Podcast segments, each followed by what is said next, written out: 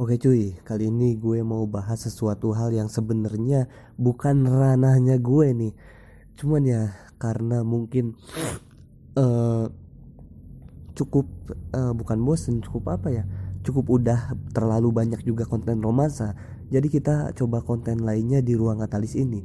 Gue mau ngomongin betapa sulitnya jadi seorang konten kreator apalagi di podcast ini apalagi di negara Indonesia dan lu kebetulan tinggal di kota kecil gitu.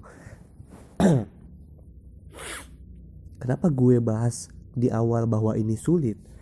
Ya karena gue ngalamin itu semua gitu cuy. Gue aja sebagai foundernya ruang katalis yang istilahnya udah lima bulan lebih dan ya upload episode secara apa ya secara konsisten banget di awal dan di pertengahan itu. Dan gue di akhir-akhir di ujung-ujung ini agak-agak males gitu guys. Agak-agak menurun performa konsistensi gue gitu. Karena ya kembali lagi uh, karena ada faktor teknis HP gue rusak. Kemudian ya ya yang paling efek sih karena gue mungkin sampai saat ini belum punya pemasukan dan gue belum juga ada keinginan untuk melamar kerja istilahnya. Meskipun ya kayaknya uh, dengan seiring waktu dengan terpaksa gue pun terpaksa harus bekerja kayaknya sih. Kalau di sini emang gak ngasilin ngasilin duit gitu. Yang pertama gue mau bahas podcast nih guys. Jadi kenapa jadi podcaster itu nggak ada potensinya atau bahkan sulit menurut gue ya untuk saat ini untuk sampai saat ini gitu. Jadi karena pertama itu kalau menurut gue di Indonesia itu masih kalah jauh popularitasnya dibandingkan dengan YouTube dan lain-lain. Tapi sekalipun lu udah terjun ke podcast dan lu mau nih mindahin konten-konten lu itu ke YouTube. Aduh ini sorry banget ya guys, suara gue agak sengau nih, agak mampet hidung gue. Tapi bukan corona guys, tenang aja guys. Jadi ketika lu mau mindahin semua konten lu uh, ke YouTube, itu nggak akan ngefek cuy karena karena konten-konten yang udah banyak uh, konten kreatornya yang bikin itu gitu termasuk uh, juga gue romansa gue pernah upload sekali cuy podcast gue itu ke YouTube dan yang terjadi adalah gue itu nggak muncul di search engine-nya YouTube gitu. Jadi ketika gue ketik judul gue itu udah terlalu banyak eh, orang-orang yang memang membahas judul yang gue bahas gitu. Nah dalam hal ini dalam hal ini gue rasa media podcast cukup unggul gitu. Karena kenapa? Karena di sana masih suci gitu masih belum banyak orang-orang gitu. Ngerinya di YouTube adalah uh, gue jadi bahas YouTube nih. Oke lah sedikit aja ya. Paling ngerinya di YouTube adalah sebaik apa pun konten lu sekreatif apa pun lu ini percaya sama gue cuy. Lu bakalan kalah dengan telak oleh orang-orang yang sedikit telanjang cuy. Atau yang berpenampilan seksi gitu yang menjual tubuhnya demi konten gitu atau menjual sensualitas demi sebuah adsense gitu. Lu bakalan kalah cuy. Segimanapun canggihnya uh, materi yang lu buat segimanapun masa yang lu uh, raih dari popul popularitas lu maksudnya lu bakalan tetap kalah cuy. Nah bedanya di podcast adalah hal-hal itu nggak akan terjadi karena di sini ya cuman audio doang gitu. Di sini nggak akan pernah ada yang namanya uh, lu kalah dengan hal-hal konyol gitu. Ya yang materinya baik itu yang banyak pendengarnya. Meskipun juga nggak nggak selalu begitu ya. Ada ada aja yang uh, menerapkan metode lain untuk meraih pendengar yang banyak itu bisa aja mereka promosinya ekstrim bisa aja mereka punya koneksi dengan podcaster besar. Gue sempat gabung di grup podcaster uh, Indonesia kalau nggak salah dan di sana banyak banget podcaster besar. Dan gue curhatkan masalah pendengar gue ini yang nggak naik naik gitu. Bahkan uh, sekarang sekarang cenderung menurun gitu Kata mereka sih cara paling efektif buat keluar dari sana adalah dengan berkolaborasi dengan podcaster yang udah tinggi gitu, yang udah gede pengikutnya gitu. Cuman gue belum ambil langkah ke situ karena sekali lagi yang pertama teknis gue keadaan teknis sampai saat ini itu nggak memungkinkan karena ya lu tahu sendirilah HP gue lagi rusak uh, dicas seharian dan cuman dipakai beberapa saat doang yang kedua gue belum yakin cuy. Apakah konten besar seperti mereka konten kreator yang udah besar seperti mereka maksudnya mau berkolaborasi dengan konten-konten kreator konten-konten kreator konten kreator yang kecil-kecil seperti kita gitu. Hah itu memang sulit banget cuy. Apalagi yang lu harus tahu nih misalkan lu belum tahu itu podcaster di Indonesia podcaster lagi. Podcast di Indonesia itu belum ada monetize. Cuman ya bagi beberapa podcast itu kayaknya sih dari diskusi yang gue pantau di grup uh, WhatsApp itu kayaknya ada yang udah dapat iklan gitu. Cuman yang nggak bisa dicairin cuy karena nggak ada monetize jadi kita ini. Belum lah belum ada lah. Nah di sana pun gue tuh uh, nggak mau berspekulasi dan berharap jauh tentang hal itu ya. Karena ya kalau melihat animo sih podcaster itu uh, terus naik gitu. Cuman ya kembali lagi uh, udah lama banget Anchor itu nggak monetize ini cuy podcast di kita gitu. Jadi ya kalau lu mengharapkan duit dari sini itu kalau lu mengharapkan dengan ngepodcast dapat duit itu lu bakalan sakau cuy. Lu bakalan berhenti dalam uh, eh, 5 sampai 7 episode. Itu pun kalau kuat sampai 5 episode gue yakin gitu. Karena ya gue pun yang udah ratusan episode cuy. Kadang-kadang nih di episode baru atau di episode tengah-tengah itu listener kadang-kadang cuman anjir lah cuman satu cuy. Itu dalam waktu beberapa hari satu doang gitu. Ke sananya naik empat. Jadi gue tuh banyak listener itu karena gue nya juga banyak episodenya gitu. Karena gue nya konsisten gitu. Sedangkan untuk perbandingan satu persatu gue tuh kecil banget cuy. Uh, narik follower itu anjir lah gak ada banget gitu gak ada harganya. Cuman kembali lagi uh, sampai saat ini gue yakin bahwa angka itu bukan segalanya cuy. Jadi gue yakin bahwa meskipun yang dengerin podcast gue ini sedikit tapi yang dengerin itu adalah orang-orang yang berkualitas banget itu. Orang-orang yang memang pengen diisi otaknya oleh sesuatu yang berguna gitu. Jadi bukan orang-orang yang gabut yang pengen galau yang pengen entertain doang. Enggak gitu. Mereka itu ingin setelah dengerin podcast itu mereka tuh jadi tambah wawasan gitu tambah pinter tambah ya tambah ilmu untuk uh, kebermanfaatannya di dalam hidup mereka gitu. Nah gue mau lanjut tentang mengenai apa sih enak enaknya. Enggak deh gue nggak mau bahas enaknya. Gue mau bahas gak enaknya aja dari konten uh, kreator terutama ngepodcast ini. Pertama gue hidup di Indonesia yang ya lu tahu sendiri pastinya YouTube lebih populer daripada podcast. Dan gue rasa di seluruh dunia pun uh, YouTube masih sedikit langkah lebih unggul lah dibanding podcast. Karena ya udah lama juga dan mereka punya keunggulan visual juga jadi ya mau nggak mau lah terima aja gitu. Dan yang kedua adalah ngerinya gue hidup di kota kecil dan yang gue rasa sih yang sampai saat ini gue itu sendirian cuy ngepodcast cuy. Jadi ya mungkin ada beberapa teman gue yang mau berencana ngepodcast dan mungkin ada juga yang beberapa udah mulai ngepodcast. Cuman mereka ya kembali lagi cuy karena kebutuhan kita sebagai manusia apalagi anak muda gitu mereka ya kerja lah mereka cari cari duit gitu. Cuman ya kalau keadaan gue itu beda cuy. Keadaan gue itu lagi ya tanggung cuy. Tanggung kuliah tanggung mau kerja tanggung gitu jadi serba tanggung gitu cuy. Jadi pada akhirnya gue tetap nerusin apa yang gue suka gitu. Ya ini ngepodcast gitu ngebacot gitu dan gue suka banget apa-apa yang gue keluh kesahkan itu tersalurkan gitu. Dan itu gue rasa sesuatu hal yang seharusnya nggak bisa dibayar oleh uang gitu itu hal yang langka menurut gua ya sampai saat ini ya. Cuman ya itulah enaknya mungkin salah satu enaknya ya. Cuman kita lanjut lagi ke yang gak enaknya ini seperti apa. Yang pertama tentunya penghasilan cuy. Lu nggak bisa yang pertama lagi yang berikutnya tentunya penghasilan gitu. Dengan tidak populernya podcast lu apalagi lu hidup di kota yang kecil dan minim banget podcaster di sana sehingga tidak menimbulkan adanya persaingan dan uh, istilahnya peraduan kreativitas di sana akan sulit untuk lu berkembang cuy. Dan pada akhirnya circle lu pun membesarnya dengan sedikit-sedikit banget gitu. Lama banget prosesnya gitu. Aduh. Jadi ya bagi lu semua yang ngarepin duit ngarepin duit dari konten kreator entah itu podcast entah itu bahkan YouTube ya bahkan YouTube untuk sekarang itu udah sedikit sulit cuy. Gue tuh cuman cuman lagi gue tuh bukannya pengen uh, membuat lu nyerah sebelum bertanding ya cuman ya gue tuh pengen ngomongin hal yang realistis dulu di sini gitu. Jadi ya sulit cuy kecuali kecuali lu punya konten yang benar-benar beda. Dan ini yang penting cuy uh, gue rasa secanggih apa pun konten lu kalau di dunia nyata circle lu nggak gede dan lu buat akun baik itu ya YouTube mau jadi youtuber atau podcast jadi mau jadi podcaster dan mulai dari nol itu bakalan sulit cuy.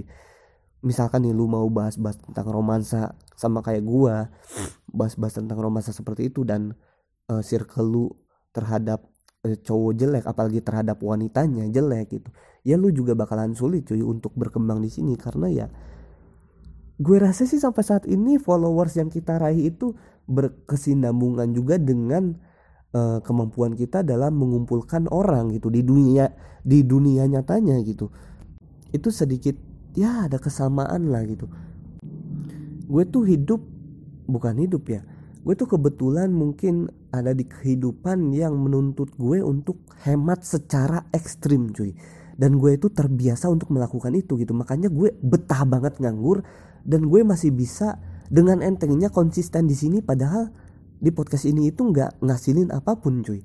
Jadi ya gue bersyukurnya ada dan terheran-herannya juga ada gitu. Mirisnya juga ada gitu. Jadi ya gue kayak paradok ini sampai saat ini gitu. Ya harapan gue sih ya secepatnya lah. Nah itu dia nih. Ini jadi jadinya gue kepikiran kesengsaraan yang berikutnya gitu dari ngepodcast gitu. Jadi sekalipun jadi gini cuy ada dua ada dua tipe. Tipe apa ya? Tipe podcast di Indonesia ini gue rasa. Yang satu itu ngandelin popularitas ngandelin uh, karakter si podcasternya itu seperti apa tapi itu dalam hal branding dalam hal penjualan itu nggak akan terlalu laku. Jadi mereka hanya mengharapkan dari AdSense kalaupun nanti ada itu ya dan yang kedua adalah podcast-podcast yang potensial untuk dijual.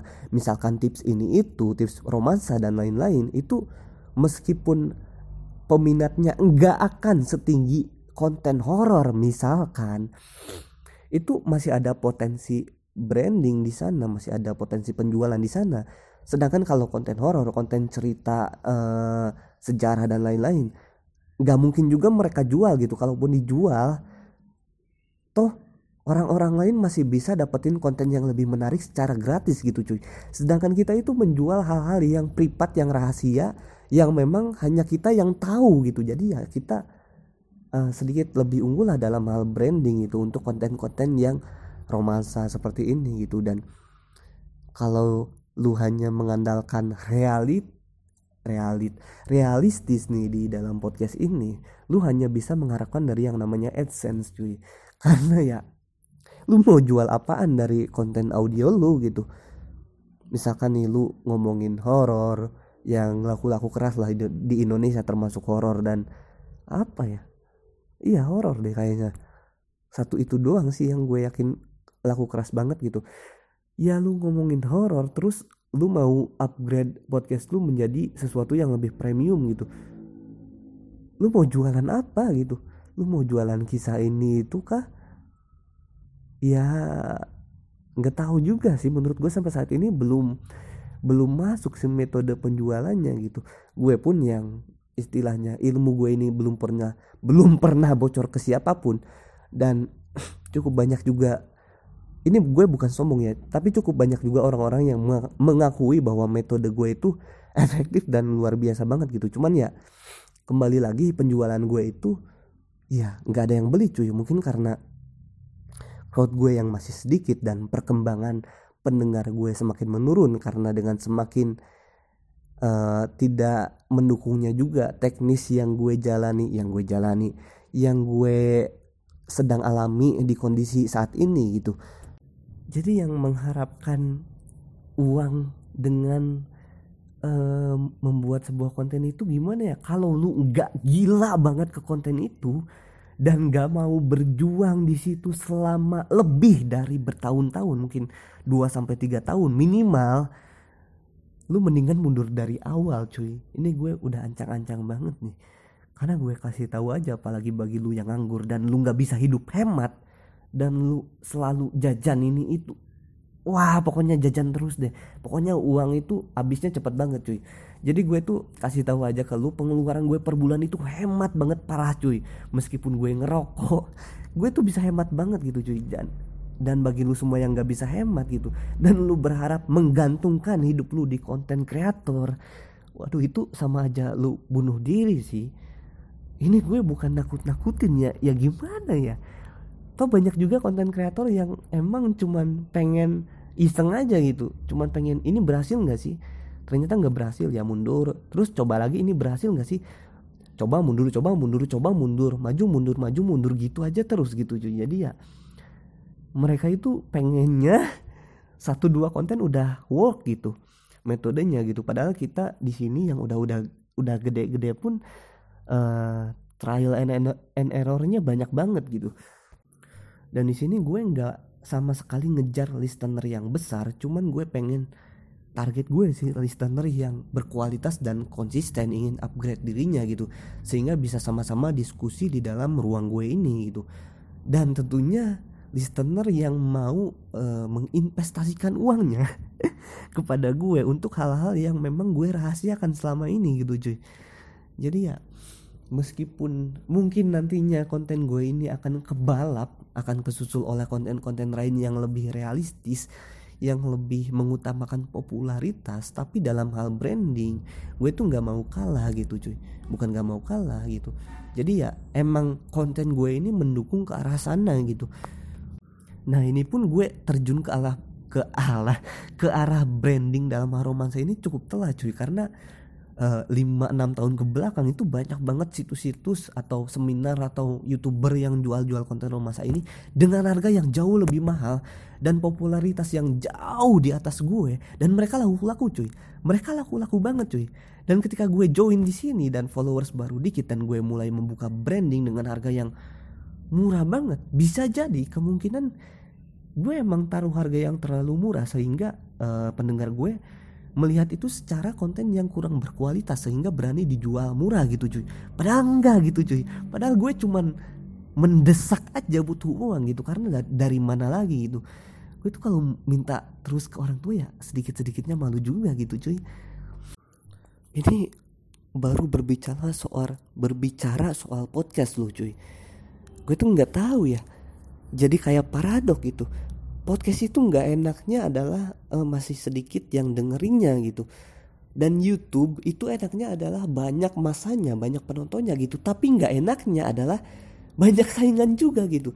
Jadi konten yang lu bikin itu bakalan banyak saingan banget dan mungkin di atas 80% di atas mungkin hampir 90% ketika lu search judul lu di dalam YouTube itu nggak akan mungkin nggak bakalan banget mungkin video lu itu ada di uh, eh, 5 video teratas. Bahkan 10 video teratas pun gue rasa nggak ada gitu. Kecuali judul lu unik banget. Konten yang lu berikan itu belum ada sama sekali gitu. Makanya dari sini pun uh, gue itu mau up, upload konsisten itu agak-agak ragu gitu cuy. Karena kalau gue terus-terusan bahas topik yang sama gue nggak akan ada perkembangan gitu cuy.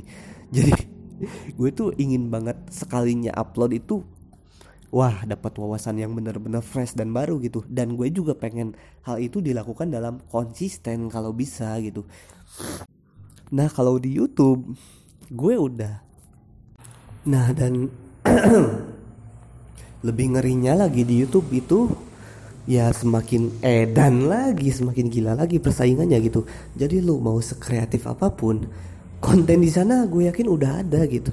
Jadi mungkin pertanyaan paling sederhana yang mau gue ajukan ke lu apa sih konten yang belum ada yang kira-kira banyak peminatnya gitu? Kayaknya sih kalau di YouTube udah ada semua gitu cuy. Cuman ya kita masih terbuka nih di podcast ini masih ya belum sekumplit YouTube lah konten-kontennya gitu. Cuman pertanyaan paling krusial di sini adalah Apakah kita semua yakin bahwa podcast itu akan benar-benar terus melambung popularitasnya, terus tinggi konsistensinya gitu, terus bisa meraih pasar semakin tinggi gitu.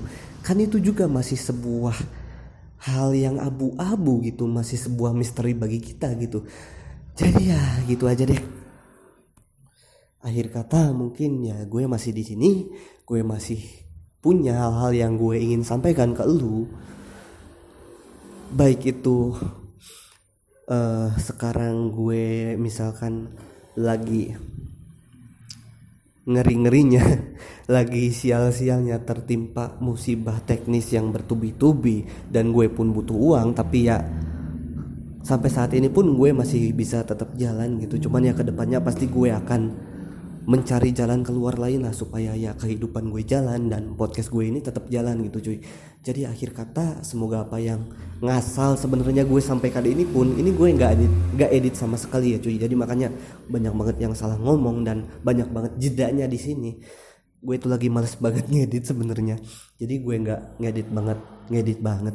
Nggak ngedit sama sekali di sini. Jadi akhir kata gue Fadlan di sini bersama ruang katalis mengucapkan bye bye